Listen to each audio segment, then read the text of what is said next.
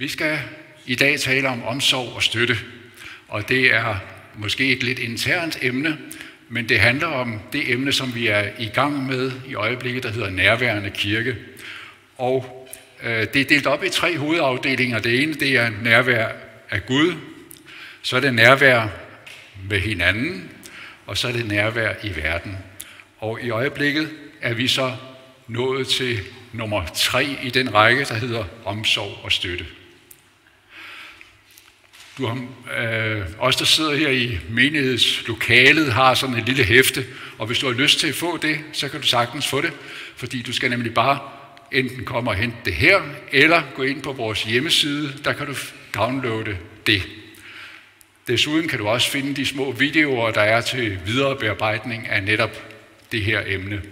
Og det vil jeg da bare opfordre til at gøre. Alle vil gerne være med i et kærligt og varmt fællesskab. Men hvad er det, der gør et fællesskab varmt og kærligt?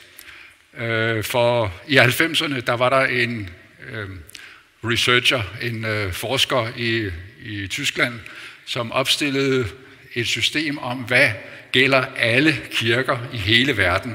Og han fandt ud af, at de her otte ting er i alle kirker. Men det er jo ikke det, at de er der, der giver kvalitet det er, hvor gode de er.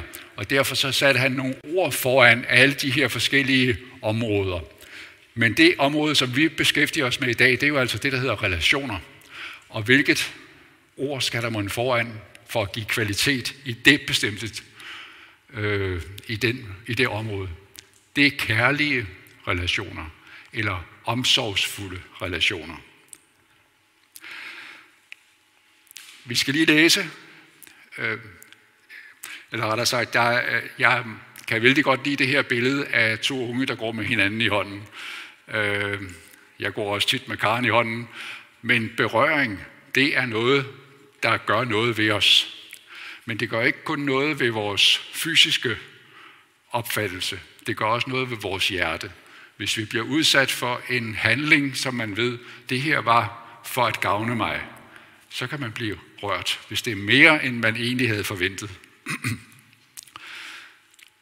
Johannes skriver, øh, citerer Jesus fra den sidste nadver faktisk, øh, hvor Jesus siger til sine disciple, Derfor giver jeg jer en ny befaling. I skal elske hinanden, som jeg har elsket jer. Sådan skal I elske hinanden. Hvis I har kærlighed til hinanden, vil alle se, at I er mine disciple. Jeg ved ikke, om du kender Johannes, Øh, en af evangelisterne i Bibelen. Øh, vi ved ikke så meget om ham personligt, og nogle gange har jeg ikke rigtig kunne finde ud af, om han var et curlingbarn, eller om han var en adfærdsvanskelig ung mand. I hvert fald var han en ret ung mand, da Jesus kaldte ham til at være disciple.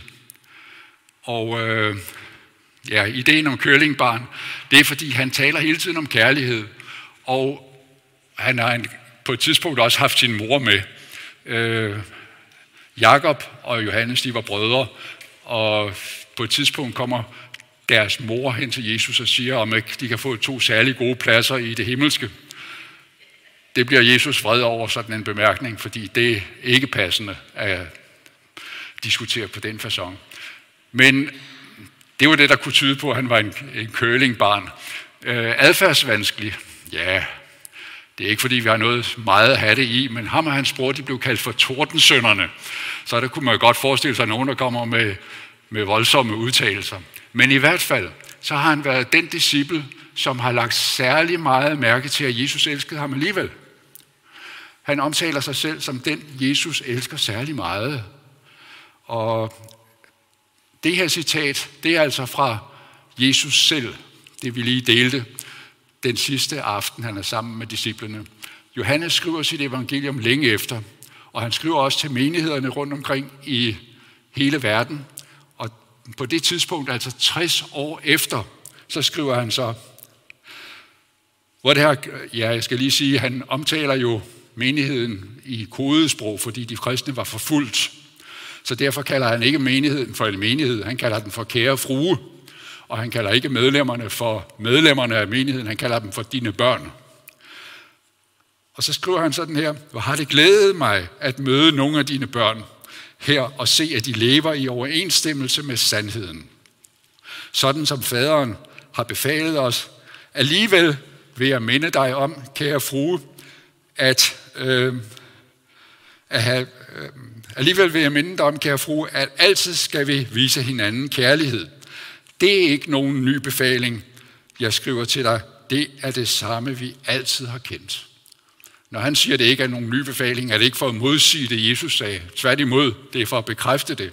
Det er en gammel befaling, som Jesus gav 60 år tidligere, og den gælder stadig. Hvis vi går videre, så en af de andre disciple skriver faktisk også om samme tema, Peter. Han skriver til mange menigheder, nu et ord til jer alle. I skal leve i indbyrdes harmoni og være medfølende, kærlige, omsorgsfulde og ydmyge over for hinanden. Gengæld ikke ondt med ondt, eller anklage med anklage, men velsign i stedet for. I er kaldet til at velsigne, og derved bliver I også selv velsignet. Det er sådan en dobbelt virkning. Når vi velsigner andre, så det, giver det også en velsignelse til os selv. Og det er jo ikke kun lige de to her. Det er et gennemgående tema i Bibelen om, at vi skal vise den form for øh, kærlighed til hinanden. Paulus skriver til Thessalonikerne, vi behøver ikke at skrive til jer om indbyrdes kærlighed i det kristne fællesskab. Gud har jo selv lært jer at elske hinanden. Og I har allerede vist jeres kærlighed til de kristne i hele Makedonien. Alligevel beder jeg jer om at arbejde endnu mere på den indbyrdes kærlighed. Det vil sige, selvom kærligheden er der, så siger Paulus, arbejde endnu mere på den.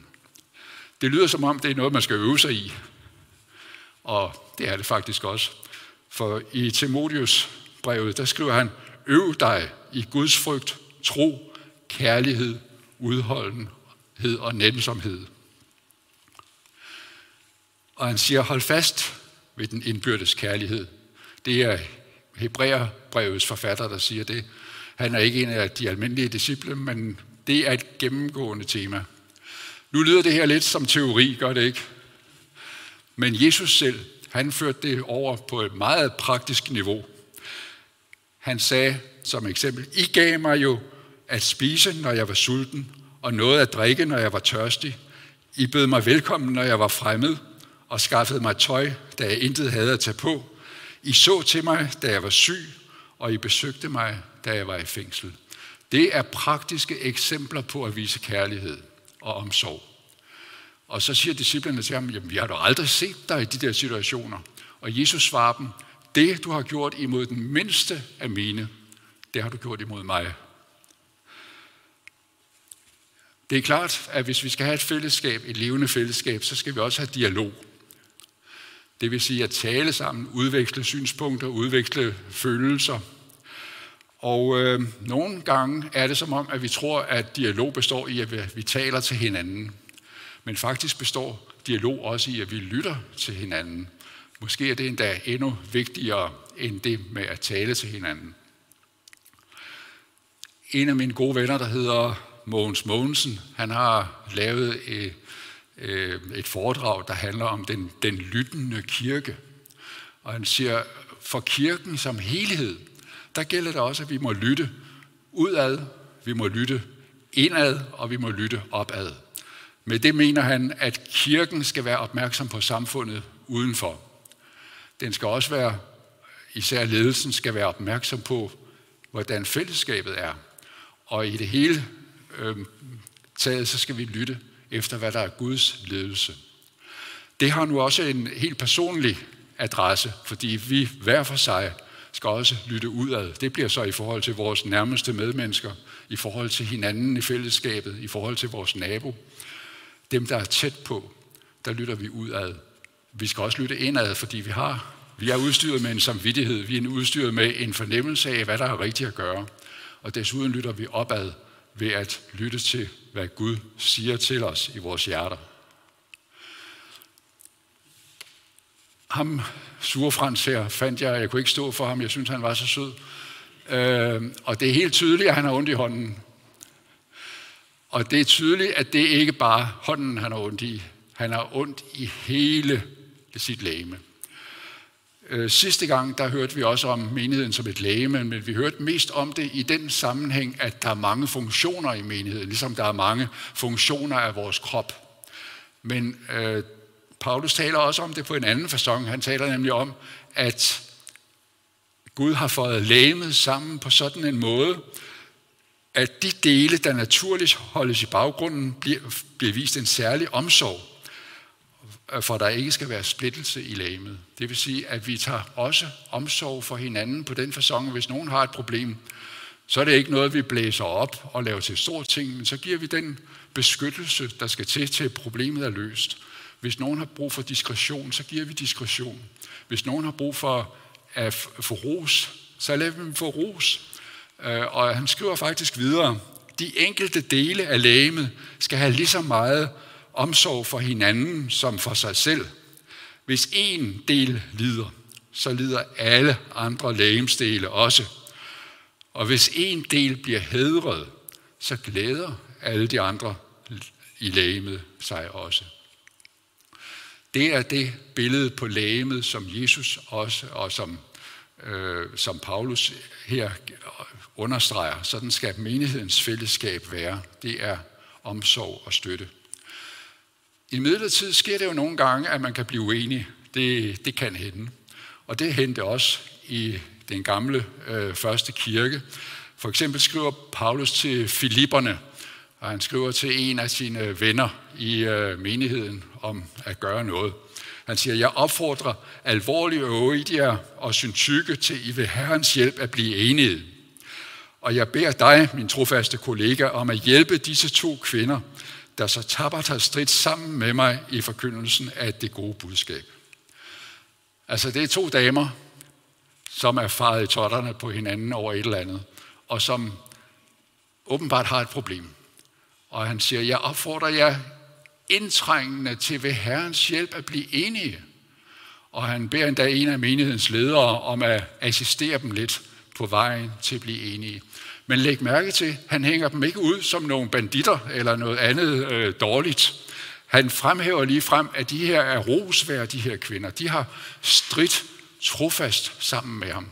Så det er ikke sådan, at han siger, de der øh, rappen skralder, smid dem dog ud af menigheden. Han siger, de der to lidt hissige damer, få dem lige til at finde ud af det, fordi de er værdifulde for vores fællesskab.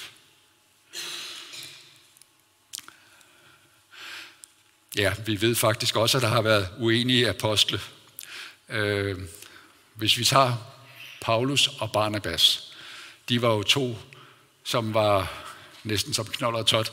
De hang meget tæt sammen og var enige om alting, lige til der var en situation, hvor, øh, hvor der var en, som øh, Paulus synes var lidt for umoden, og, og Barnabas var meget mere fagnende og omsorgfuld. Han synes, øh, jamen så tager vi ham netop. Og det blev de voldsomt uenige om. Og det endte med, at de faktisk i en tid nærmest var helt hver for sig. Men vi ved også fra senere steder i Bibelen, at øh, de omtaler hinanden positivt. Så de kom ud over det. Og jeg kan ikke lade være også at tænke på en situation for efterhånden mange år siden, hvor Tommy og jeg begge sad i menighedsledelsen, og der var én ting, vi blev rygende uenige om. Rigtig meget uenige. Og det var lige før, jeg, jeg ved ikke, hvordan Tommy havde det, men jeg havde det sådan, at jeg var ved smækdøren at gå. Men ved Herrens hjælp kom vi ud over det problem, og er i, i dag og har lige siden været rigtig gode venner. Øh, og det er det, vi skal gøre, når vi når til en situation, hvor vi er uenige om noget, så skal vi ved Herrens hjælp blive enige. Uheldigvis må vi jo indrømme, at der nogle gange sker det, vi kunne kalde, at filmen knækker.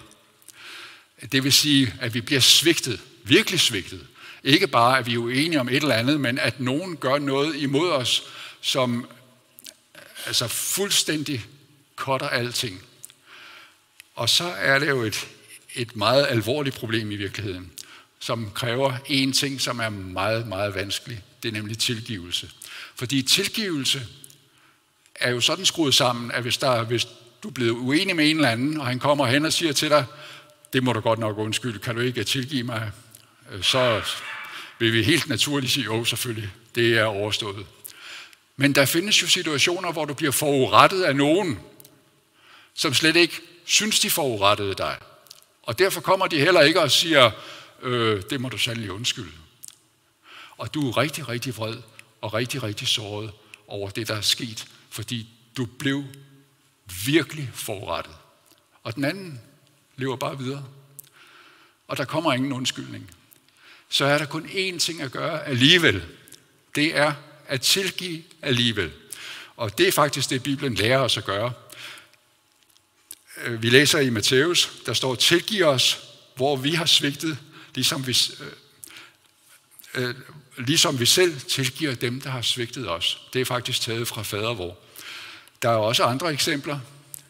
Vi kan læse videre fra Efeserbrevet, hvor der står, vær venlige, barmhjertige over for hinanden, tilgiv hinanden, ligesom Gud har tilgivet jer.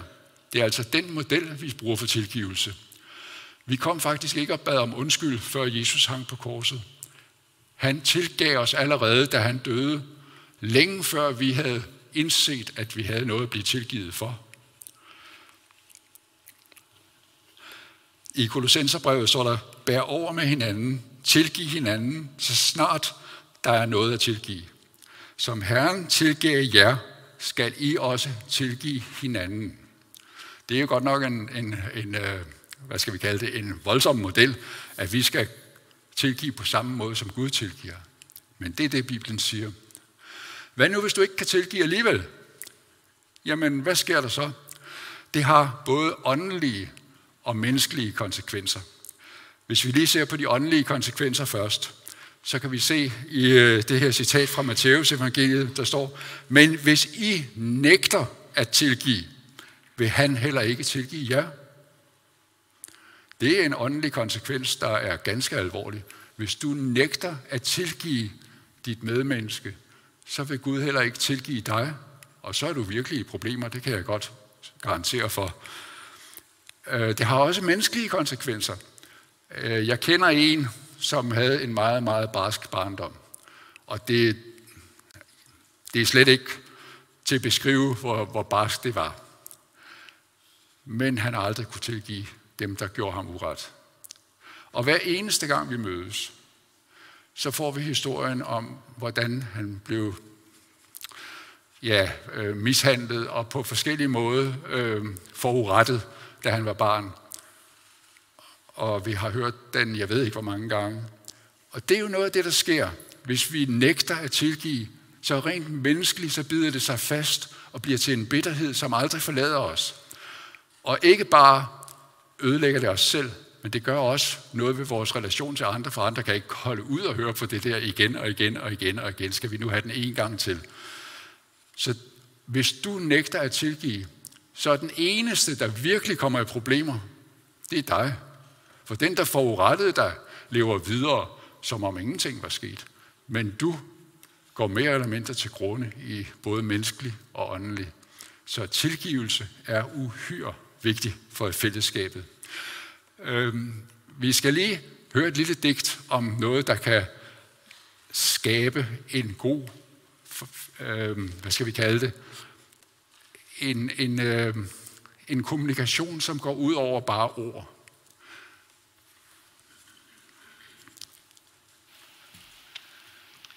Et smil. Et smil koster intet, men giver meget. Den gør den rig, som modtager det, uden at gøre den fattigere, som giver det. Det kræver blot et øjeblik, men mindet om det kan ofte leve for bestandigt. Ingen er så rig eller mægtig, at han, ikke, at han kan undvære det, og ingen er så fattig, at han ikke kan blive rig ved det. Et smil skaber lykke i hjemmet, fremmer god vilje i forretninger og er venskabsbesejling.